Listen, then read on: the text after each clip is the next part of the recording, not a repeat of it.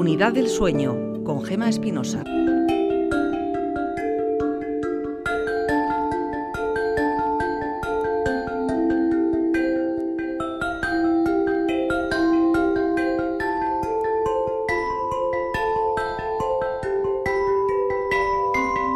Hemos abordado los problemas más habituales como el insomnio, los ronquidos, pesadillas, apneas, trabajo a turnos, pero han quedado muchas preguntas por resolver, así que hoy vamos a dar respuesta a unas cuantas. Para esta despedida del espacio de la unidad del sueño está con nosotros Carlos Egea, responsable de esta unidad en Osi Araba. Carlos, ¿cómo estáis? Está con nosotros también Ainhoa Álvarez, neurofisióloga clínica, y Joaquín Durán, responsable de investigación de Bio Araba. Seguimos investigando. Por supuesto. Falta hace, ¿no? En esto del sueño y mucho que aprender todavía. La investigación es lo que nos permite avanzar, si no seguiríamos como hace 100 o 50 años, ¿no? Así que investigar, aparte de ser bastante divertido, nos permite avanzar. Bueno, igual hace 100 o 50 años dormíamos mejor. Los colchones seguro eran peores, pero hacíamos más ejercicio físico, eh, no teníamos tanto estrés. Digo yo, igual es una generalidad, pero... Dormíamos una hora y media más aproximadamente. No estoy tan seguro si dormíamos mejor, porque la realidad es que no estaba garantizado la cobertura de nuestras necesidades básicas. Entonces, que en familias de hace 100 años hubiera uno o dos hijos que habían fallecido y que los padres habían sobrevivido a los hijos, o que hace 200 o incluso menos años no estaba garantizado si se podría comer esa semana, por tanto vivían en situación de estrés bastante extremo, ¿no? Era distinto, era otro tipo de supervivencia la que nos provocaba estrés. Así es. Tenemos tantas preguntas que las vamos a agrupar, dando algunas de las ideas de las pautas. Hablábamos del sueño y la mujer. Personas de 50, 51, 53, 84, preguntas de todas las edades. La menopausia, nos hablaban mujeres también después del parto. Vamos a dar algunas ideas clave de lo que tiene que ver la relación entre sueño específicamente con la mujer. Ainhoa. Pues en cuanto a la mujer, los cambios hormonales hacen que cambien muchas facetas de, la vida, ¿no? Y además como son cíclicos cada mes, pues puede ser protector para algunas enfermedades no cardiovasculares, como bien sabemos, pero en el día a día pues a veces son complicados y en el sueño concretamente pues nos afecta y nos afectan esas etapas de la vida que comentabas como son el embarazo, la menopausia. Entonces yo como normas diría higiene de sueño, siempre intentar quitar esa idea de sufrir por sufrir. Si tú no puedes dormir y esto es reiteradamente más de tres meses y está afectando a tu vida diaria, consulta, porque igual es verdad que, que a veces son problemas complicados para nosotros, pero podemos dar unas guías, podemos darle a veces incluso un poquito de medicación y pueden pasar esta época que luego ya se pasa y llega una época ya de estabilidad que dicen que es mejor y pueden llevarlo mejor. Se trata de dormir bien para vivir bien. ¿no? Ese es un dato que deberíamos tenerlo en cuenta para todas las edades y sexos. Es decir, si uno tiene problemas durante tres meses o más de sueño, es cuando se debe acudir a través del médico de cabecera a la unidad del sueño tres meses. Si uno tiene puntualmente un mes malo, no tiene por qué preocuparse, pero ya a partir de tres meses debería por lo menos pasar. Sí, podríamos decir que es la regla. Yo quería contribuir con, como a Joaquín le gusta mucho, con los términos litúrgicos y filosóficos, y es que el sueño es como entrar en la atmósfera terrestre, ¿no? que nos protege de los rayos ultravioletas, de los meteoritos. Y siendo mujer, el sueño puede protegerte, lo que es tu habitación, tu dormitorio, de todos los problemas que uno tiene. Tanto es así, los sofocos que generan aumento de la temperatura y, como hemos dicho, disminución del tiempo de sueño, la menstruación que puede hacer que estés más preocupada, los hijos, el marido, la familia, y contribuir a que la higiene de sueño, como decía Ainhoa, que no es más que entrar cómo se entra a la atmósfera, igual que la NASA predice o la ESA cómo tiene que entrar una nave en la Tierra, pues lo mismo nosotros tenemos que hacer cómo entramos en esa atmósfera protectora, ¿no? Siendo mujer, con todos los problemas, desde que te viene la menstruación, desde que tienes hijos, desde que luego te viene la menopausia, es uno de los géneros con más problemas y de los que más ayuda y cada vez conocemos más cómo solucionar problemas de insomnio, de apnea del sueño, de problemas relacionados con las transiciones y por eso es un mensaje de sabemos cómo entrar a la atmósfera y sabemos cada vez más toda la medicina conforme avanza la investigación, cómo tratarla. ¿no? Eh, preocupan las mujeres, lógicamente, el embarazo, un momento en el que se pierde parte del sueño. Después, cuando nace el niño y es pequeño también. La menopausia, nos decía, por ejemplo, tengo 51 años, activa, hago ejercicio, cuido mi alimentación, me acuesto sobre las 10 y media a las 11, no ronco ni tengo apneas, pero he empezado a tener muchos despertares que me cuesta volver a conciliar el sueño. Si son las 5 de la mañana, el despertador suena a las 7, pero ya a partir de las 5 no puedo dormir. El quedarse dormida en el sofá habitualmente y después ir a la cama, y podemos matizar algunas cosas porque esta pregunta englobaría un poco muchas de las otras que hemos tenido. Bueno, en primer lugar sí que me gustaría decir, en la línea de lo que ha dicho Ainhoa, que nadie crea que es que hay periodos o épocas en la vida en que toca que nos pasen determinadas cosas que están mal, ¿no? El embarazo, la menopausia, el envejecimiento son procesos fisiológicos en cierto grado y que por tanto ninguna mujer debe considerar que es que le toca dormir mal. Es decir, Sabemos que hay problemas en esos periodos, pero como ha dicho Ainhoa, también tenemos soluciones. Así que que nadie renuncie. A partir de los 50 años el sueño tiende a volverse fragmentado, tanto en hombres como en mujeres. La continuidad del sueño se pierde y aquello de dormir del tirón pasa a ser un mito. Eso no suele ocurrir. Lo importante es preguntarse si al día siguiente están bien, y si después de despertarse pueden volver a dormir. Nosotros nos despertamos 12 veces por hora, pero son despertares de menos de un minuto y por tanto no los recordamos. Despertarse no es el problema, el problema es despertarse y desvelarse y no volverse a dormir. Y ahí lo que comentaba Carlos y Ainhoa de la higiene de sueño y algunos trucos que pueden ayudar a las personas a volverse a dormir es adecuado. Para eso las unidades de sueño están bastante preparadas para ayudar y los médicos de asistencia primaria cada vez más. Claro, ese quizás sea uno de los grandes problemas de las personas que nos escuchan y que nos han llamado, que se despiertan y no se pueden volver a dormir. Nos decía las menopáusicas, ¿qué hacemos a las 4 de la mañana además de contar ovejas? Sí, hay un trastorno, el despertar precoz, que es muy típico en, en la menopausia y en otros pacientes, por supuesto, también algunos hombres y lo que ocurre es eso, que se despiertan demasiado pronto y no pueden volver a dormirse, ¿no? Entonces aplicamos técnicas del insomnio, pues intentar no compensar con siestas, meterse a la cama una hora y si no se pueden dormir, pues buscar un sitio en casa cómodo, que puedan leer, con una mantita, que no sea un castigo, que sea un sitio donde descansar y salir un poco de la habitación, ¿no? Contar ovejas en la habitación, pues no, no es muy recomendable. No funciona. No funciona. Buscar un sitio hasta que ya el cerebro vea que toda vez tienes que dormir, volver al sitio. Hay diferentes técnicas que muchas veces no son fáciles ¿eh? y tienen que estar apoyadas a veces con nosotros, ¿no? Porque les decimos, venga, que ya sabemos que estás todavía peor, pero vas a mejorar. Y entonces cuando siguen, siguen, siguen, pues ven que tiene, que tiene un resultado. Es un poco como hablábamos del día de insomnio, que es como adelgazar, ¿no? Que uno hace dieta y el primer día, el segundo dice, pero si me estoy muriendo de hambre y sigo pesando lo mismo, ¿no? Pero si uno sigue, sigue, sigue, pues adelgaza, ¿no? Pues esto igual. El ¿Cuánto tiempo suelen durar un poco el tiempo de consulta en las unidades del sueño? Entiendo que dependiendo de la persona y también del problema que se tenga, pero paso por el médico de cabecera, voy a la unidad del sueño, me dicen que sí, que es un caso, digamos, para estudiar o porque tengo apnea, ronquidos, lo que sea. ¿Cuánto tiempo puedo llegar a estar, Carlos? Depende, en general todo está bastante estructurado y muchas protocolizado, es decir, que ya vienen estructuradas las guías. Una vez que llegas al médico de cabecera y le, les pones tu problema, como dicha tiene la historia clínica electrónica, y se puede consultar inmediatamente en menos de 24 o 48 horas sabemos el problema que hay y sabemos si tenemos que verle de nuevo o verle para ampliar el conocimiento que ya el médico de cabecera lo ha hecho o simplemente hacer una prueba directamente. Con lo cual, los tiempos que antes eran, lo ve un médico de cabecera, lo mandaba a la consulta, le veíamos nosotros, le hacíamos la prueba, le volvíamos a ver y le hacíamos el diagnóstico que era pues cercano al año. Ahora se ha reducido mucho y estamos en torno a los 3-4 meses, aunque ya en 48 horas sabemos ¿Cuál es el problema? Estáis eh, desde la unidad del sueño relacionados con otras especialidades de los hospitales porque uno puede tener problemas de sueño derivados de otra enfermedad que no ha sido diagnosticada. Hombre, esta mesa es el ejemplo. Yo soy neumólogo, Joaquín es neumólogo e investigador y ahí no es neurofisióloga. Es que el compartimentar figúrese en el tenis, compartimentar las diferentes especialidades. No, es que yo solo soy de drive, no, no, yo es que soy de revés, pues sería un lío, ¿o no? Porque tendría que salir en función de quién da la bola, uno u otro. Sin embargo, aquí los ponemos en común y lo que me falta a mí de conocimiento me lo aporta ella o me lo aporta Joaquín o me lo aporta Carlos o me lo aportan las enfermeras. Porque el, esta mesa genera un conocimiento muy superior a la individualidad de la especialidad. Y por eso las unidades de sueño en este país han tomado conciencia de ello y tratan la medicina del sueño desde todas las perspectivas, ¿no? No de drive, o de revés. Por la unidad del sueño eh, van pasando miles de personas ya. En el caso de, de Osiaraba, ¿cuándo que empezasteis, Joaquín? En 1990 fue cuando se empezó. En este momento está cercano a los 30.000 pacientes. 30.000 pacientes.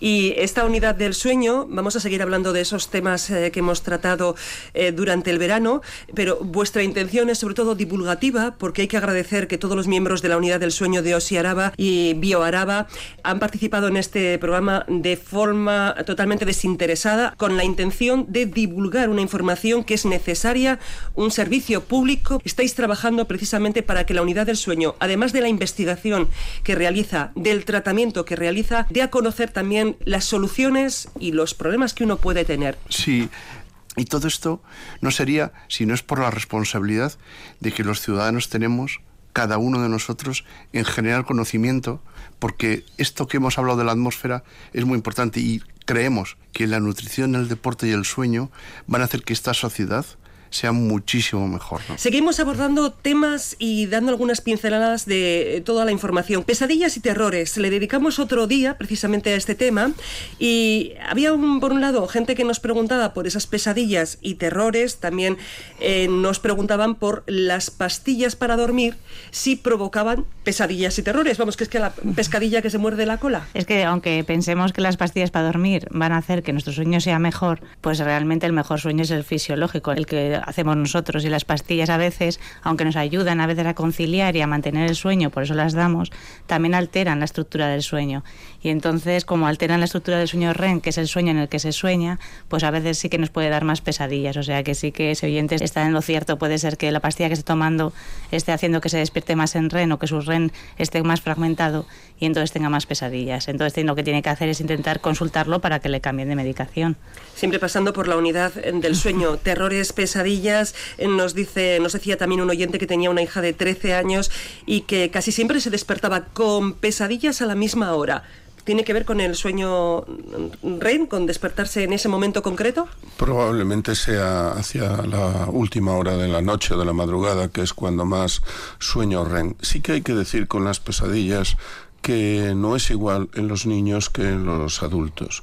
Los niños tienen que enfrentarse a una serie de hechos vitales para ellos y procesar un montón de información y el sueño es una forma en la que se hace y también las ensoñaciones. Los sueños no están hechos para que el cerebro sea consciente de ello. Es decir, nosotros no soñamos para recordar los sueños. Recordamos los sueños porque nos despertamos. Es la forma en la que, hasta donde sabemos, el cerebro procesa un montón de información y genera una serie de conductas adaptativas para luego poder desarrollar nuestra vida con normalidad. Los niños tienen que hacerlo y por eso los niños tienen una fase que es completamente normal, que es de pesadilla. Un adulto no debería de tener nada más que de manera ocasional. Un adulto que tiene pesadillas reiteradas habría que ver si no hay un problema detrás, si no hay un estrés postraumático que responde a lo mismo. Es la forma en que el cerebro nos hace vivir situaciones para crear conductas de adaptación. Pero una pesadilla reiterada no es normal. Y es verdad, como dice Ainhoa, que a veces la medicación puede alterar esto.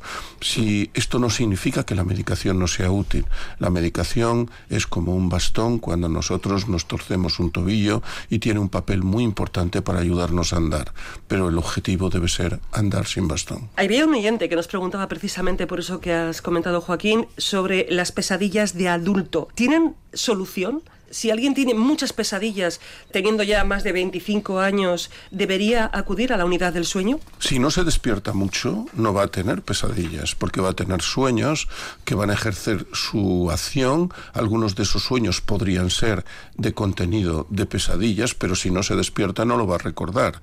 Por tanto, evidentemente, con técnicas de higiene de sueño y probablemente algo de medicación se puede hacer. A veces si hay mucho sueño REM donde se sueña y la pesadilla es muy importante, tenemos que reducir la cantidad de sueño REM para que el paciente no tenga esa situación y sobre todo hay que ver cuál es el origen, porque si el origen es un problema que tiene un origen en otro lado, hay que tratar ese lado. Por ejemplo, el estrés postraumático, que hay muchísima gente que sufre, tanto en su ambiente social, familiar o laboral, ese estrés postraumático es generador de pesadillas. Creo que tiene toda la razón Joaquín, porque de hecho creo que lo hemos comentado en alguna ocasión, que tras entrar en combate en guerras, el estrés postraumático se aumenta si el individuo consolida mucho el sueño, es decir, se va a la cama pronto, duerme rápidamente, porque el REM, que a veces dura hora y media más o menos, es decir, aunque está en tramos, sirve para consolidar memoria.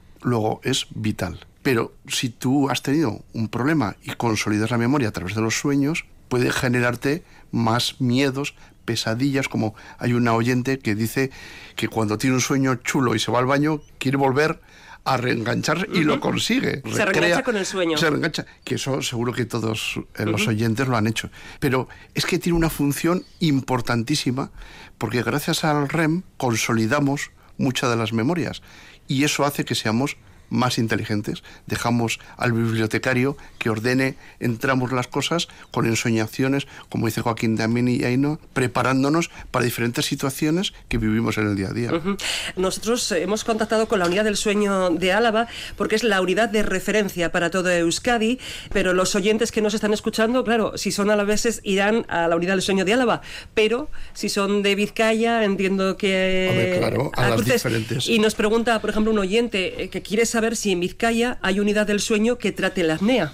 Por supuesto, tanto el Hospital de Cruces como el de Basurto, de altísima, además son de mucha complejidad. El que nosotros seamos la cara visible no significa que tanto en Vizcaya como en Guipúzcoa no haya unidades de sueño de prestigio que den cobertura a toda esa población. Nos diferencia lo único que nosotros estamos más en la palestra porque queremos fomentar la responsabilidad de los ciudadanos y que los ciudadanos nos empujen hacia adelante. Solucionado. Todo el mundo tiene su unidad del sueño en Euskadi de referencia.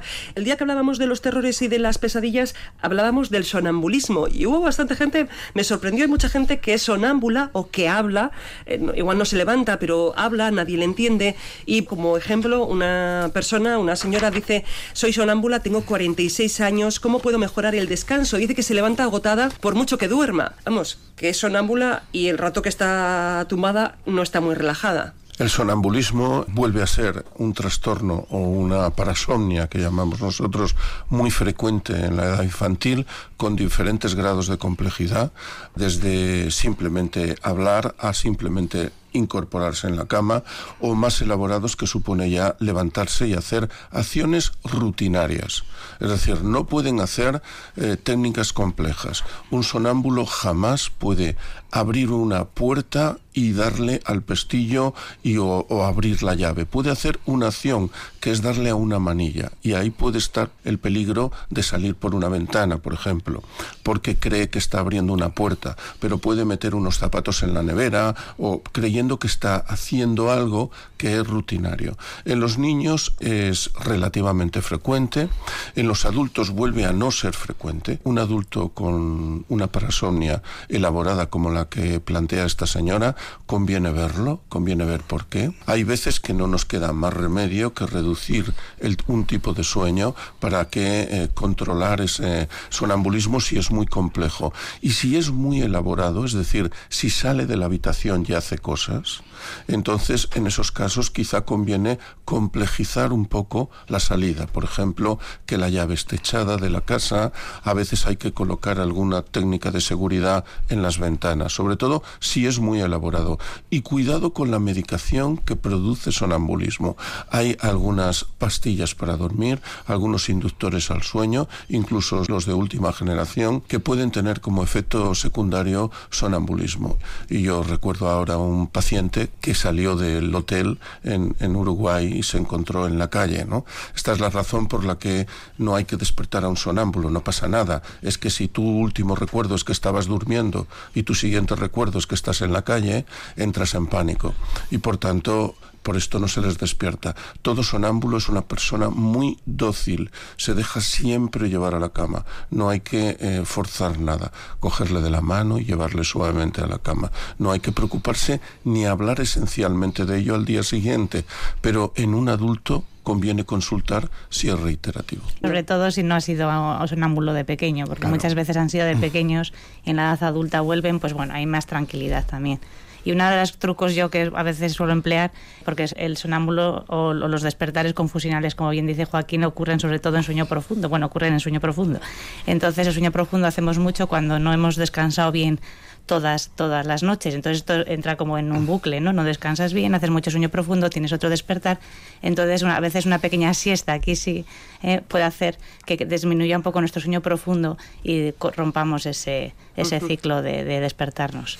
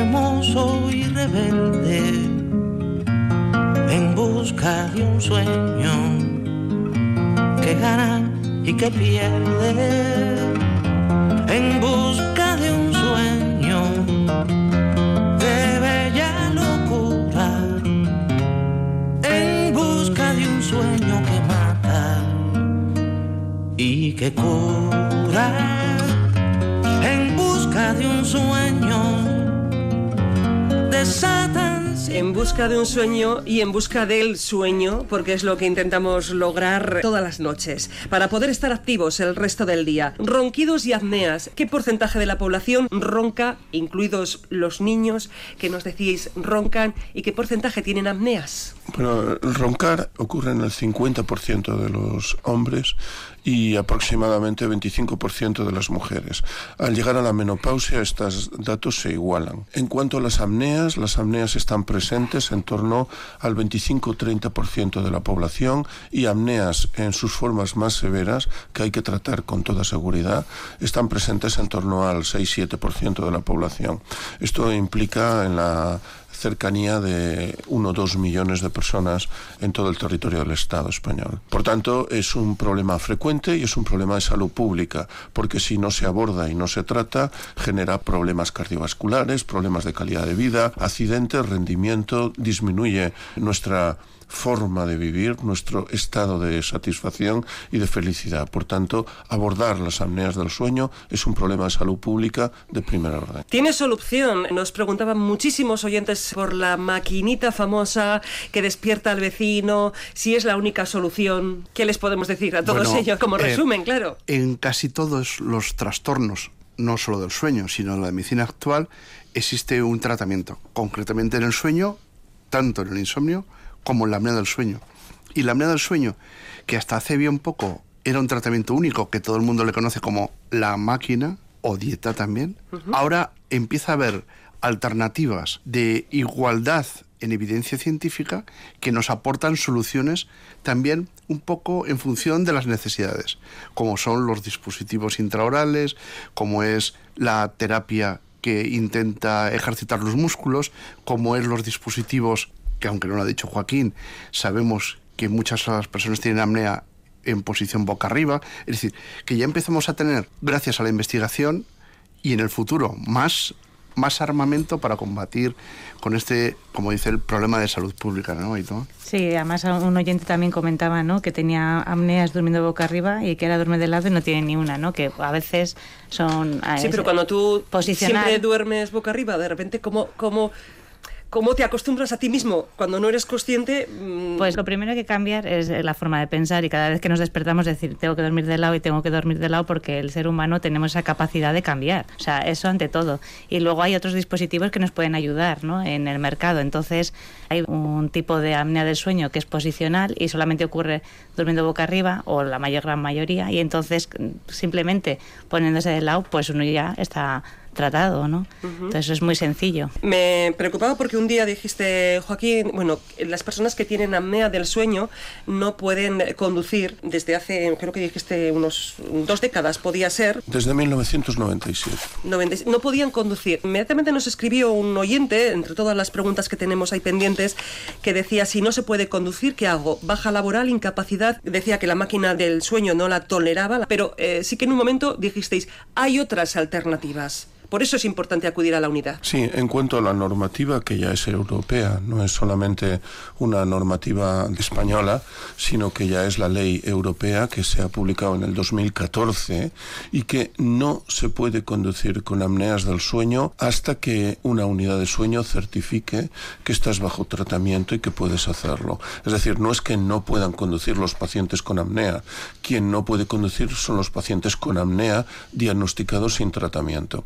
Lo de la alternativa es muy importante. Durante prácticamente décadas hemos funcionado por la ley del todo y el nada. Es decir, teníamos la máquina de CIPAP, pero si no te adaptabas a la máquina de CIPAP y no eras una persona obesa que estuviera dispuesto a adelgazar, recuerda que hay solo un 50% de amneicos que son obesos. Hay un 50% de personas amneicas en nuestra unidad de sueño que no son obesos.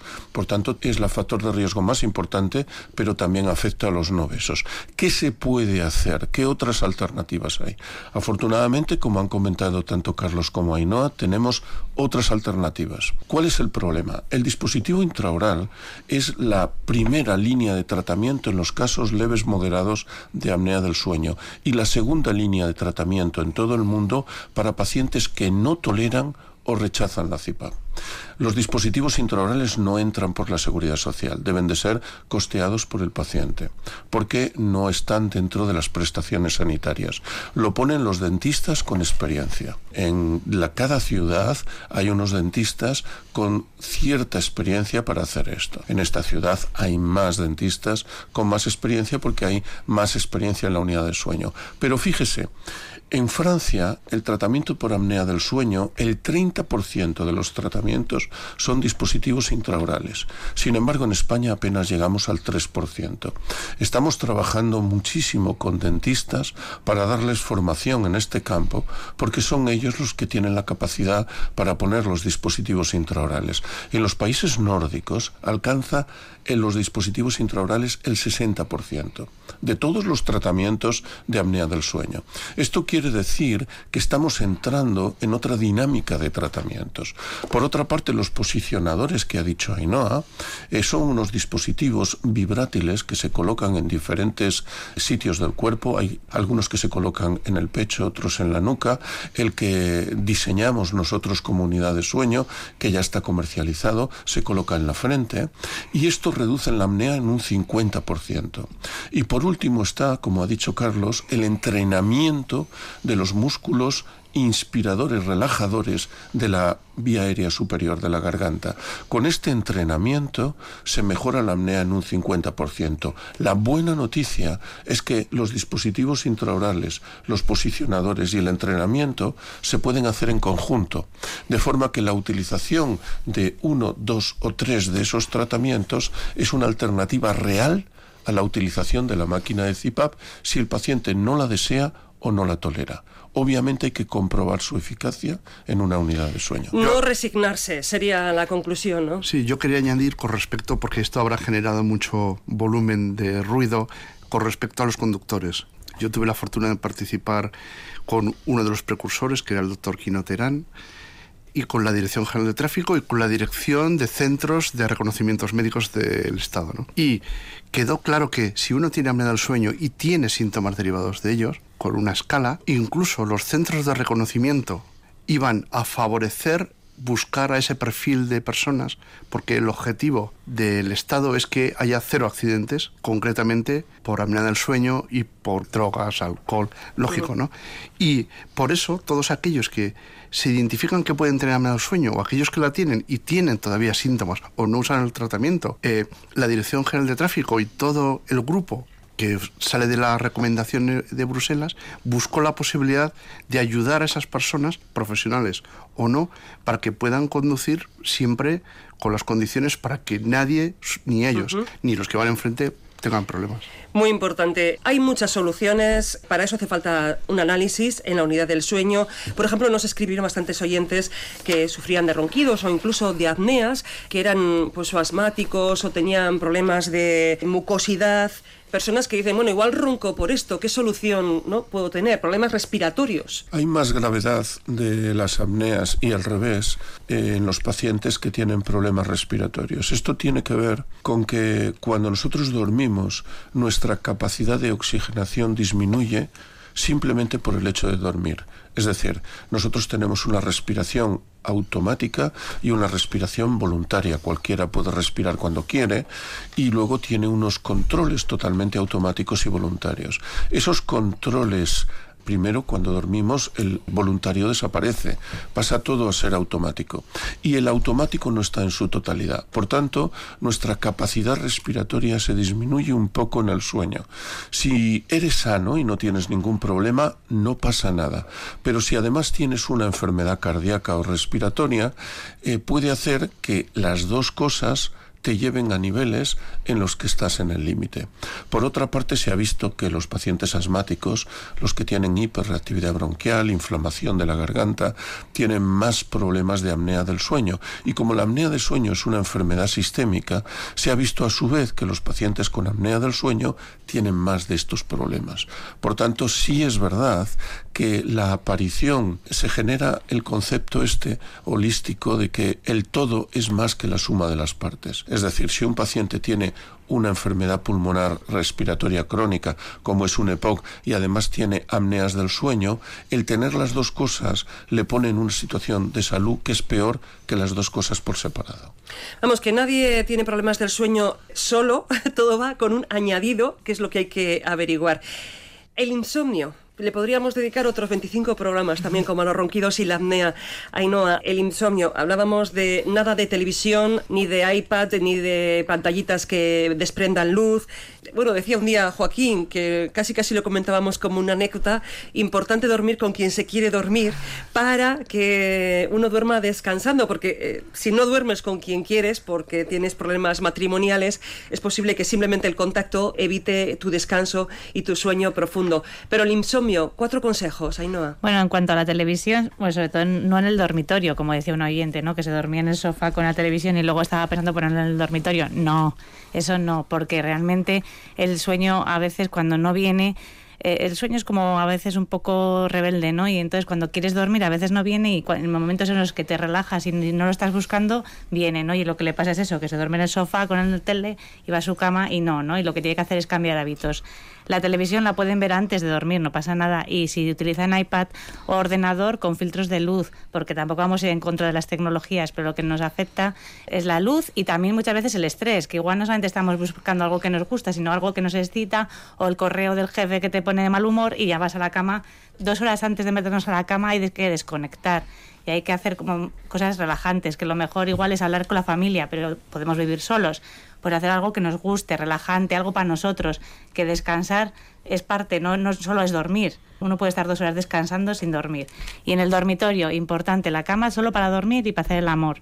Súper importante. Horarios de sueño eh, más o menos estables y no estar en la cama despierto mucho tiempo. O sea, yo diría como por supuesto, cafés, citantes, todo que nos preguntaban también si el descafeinado también quita el sueño. Pues bueno, el descafeinado sí que, que sí a veces tiene, pero en principio no tiene por qué tener cafeína, depende cómo lo hagan. Hay, alguno que se ha analizado que tiene un poquito de cafeína, pero en principio no. O donde te lo pongan, que igual te han dicho que es descafeinado y no es. También puede ocurrir, ¿no? Pero que si les apetece más una infusión, más relajante o fenomenal. También beber mucho líquido a última hora de la tarde puede hacer que te levantes más al baño. Cada uno tiene que andar ahí sus truquillos, pero los insomnes en estos trucos son bastante constantes. Yo creo que es más difícil igual lo de la televisión en la cama, lo de porque ellos generalmente cuando ya vienen a la consulta ya tienen pues, ¿no? la cafeína, las, las cenas las hacen ya más eh, suaves, todo eso ya ellos ya van, van trabajándolo. Decíamos también otro día, menos de seis horas o más de nueve horas de sueño durante más de tres meses es como para ir pensando, ¿no? En una consulta al menos. Pero Y- lo importante es cómo estén al día siguiente. Si uno duerme cinco horas y está bien al día siguiente, es que no tiene un problema. Bueno, Por supuesto que lo importante es cómo esté al día siguiente y nosotros ahí siempre hablamos en términos estadísticos. Es decir, para la inmensa mayoría de la gente, dormir menos de seis o más de nueve suele tener relación con problemas de salud, pero por supuesto que hay personas que tienen que dormir más de nueve y están perfectos y otros tienen que dormir menos de seis. Hay algo que creo yo que es interesante en el insomnio y es la manera en la que se gestionan los problemas. No, no hay nadie que no tenga problemas y si hay alguien que no tiene problemas, que mire a ver si es que está muerto realmente, porque no existe, No hay, no existe. existe, eh, vivir es dirimir conflictos. No se puede vivir sin dirimir conflictos. Por tanto, tener claro que nuestra felicidad es más una decisión que un sentimiento, esto es esencial también para poder dormir. Esto implica que hay que decidir ser feliz. Las personas felices duermen siempre bien. hay que proponérselo. ¿Quieres? No, hay que decidir, no proponérselo, decidir. En el momento que uno decide ser feliz, en ese momento ya no se va a quejar por todo ni va a echar la culpa a- de todo a todos menos a él mismo. Por tanto, esto es una parte esencial. Esto significa que si uno tiene problemas, debe elegir una hora que se aleje del sueño para resolverlos o para pensar en ellos. Si uno tiene problemas económicos porque tiene que pagar una hipoteca, si los hijos le están dando problemas o ellos mismos tienen problemas que le preocupan, que dedique un rato cada día a pensar en esto. Y cuando esos pensamientos vengan por la noche, que diga yo ya he hecho los deberes, esto ahora no toca. Esto está demostrado que funciona. Y decidir ser feliz. Nuestra felicidad no puede depender de los demás, depende solo de nosotros. Sí, yo también estoy de acuerdo con ello. Bueno, ahora me te intentaré Ainhoa no mandar correos a la noche no, y sí a la mañana. Sí, Carlos, Carlos es de los que trabaja hasta muy tarde. Nos han preguntado por el bruxismo, por las enfermedades mentales, qué relación tienen con el sueño. También hemos comentado que los adolescentes tienen a retrasar dos horas su sueño desde la infancia cuando son adolescentes y que por lo tanto los exámenes no deberían ser en la adolescencia a las 8 de la mañana, sino a partir de las 10, entre 18 y 20 grados. Muy importante la temperatura de la habitación. La gente se preocupa por cómo está orientada la cama y las recomendaciones de la unidad del sueño. Bueno, empiezo yo, aunque yo solamente quiero agradecer a este programa y a todos los oyentes todo lo que están haciendo, el interés que han tenido y quiero que sigan empujándonos. Quiero que esta sociedad nos empuje a los científicos, a los médicos, a los que nos dedicamos a, a esto, a seguir investigando, a seguir luchando, a seguir informando y compartiendo con todos los ciudadanos nuestros conocimientos, porque son de todos. Pues lo mismo, muchas gracias. Yo solamente un mensaje que creo que la mejor forma de tratar los problemas de sueño es prevenirlos con la educación. Y entonces ahí es donde tenemos que nosotros los primeros y los educadores y los gobernantes los segundos, pues a incidir ¿no? en la educación en el sueño para que en el futuro haya menos problemas de sueño. Joaquín, investigar para ser felices. eh, ese premio a Vitoria eh, es en parte por la sostenibilidad, por el reciclaje, pero también por eh, la felicidad. Se trabaja por la felicidad de sus habitantes y el tema del sueño es muy importante en ese premio porque la felicidad la da un buen descanso. Sí, investigar para vivir mejor es un lema que solemos utilizar y sobre todo el concepto sueño-salud. Es decir, el sueño va mucho más allá de la enfermedad, nos permite tener salud. La salud es mucho más que la ausencia de enfermedad. Un abrazo, gracias.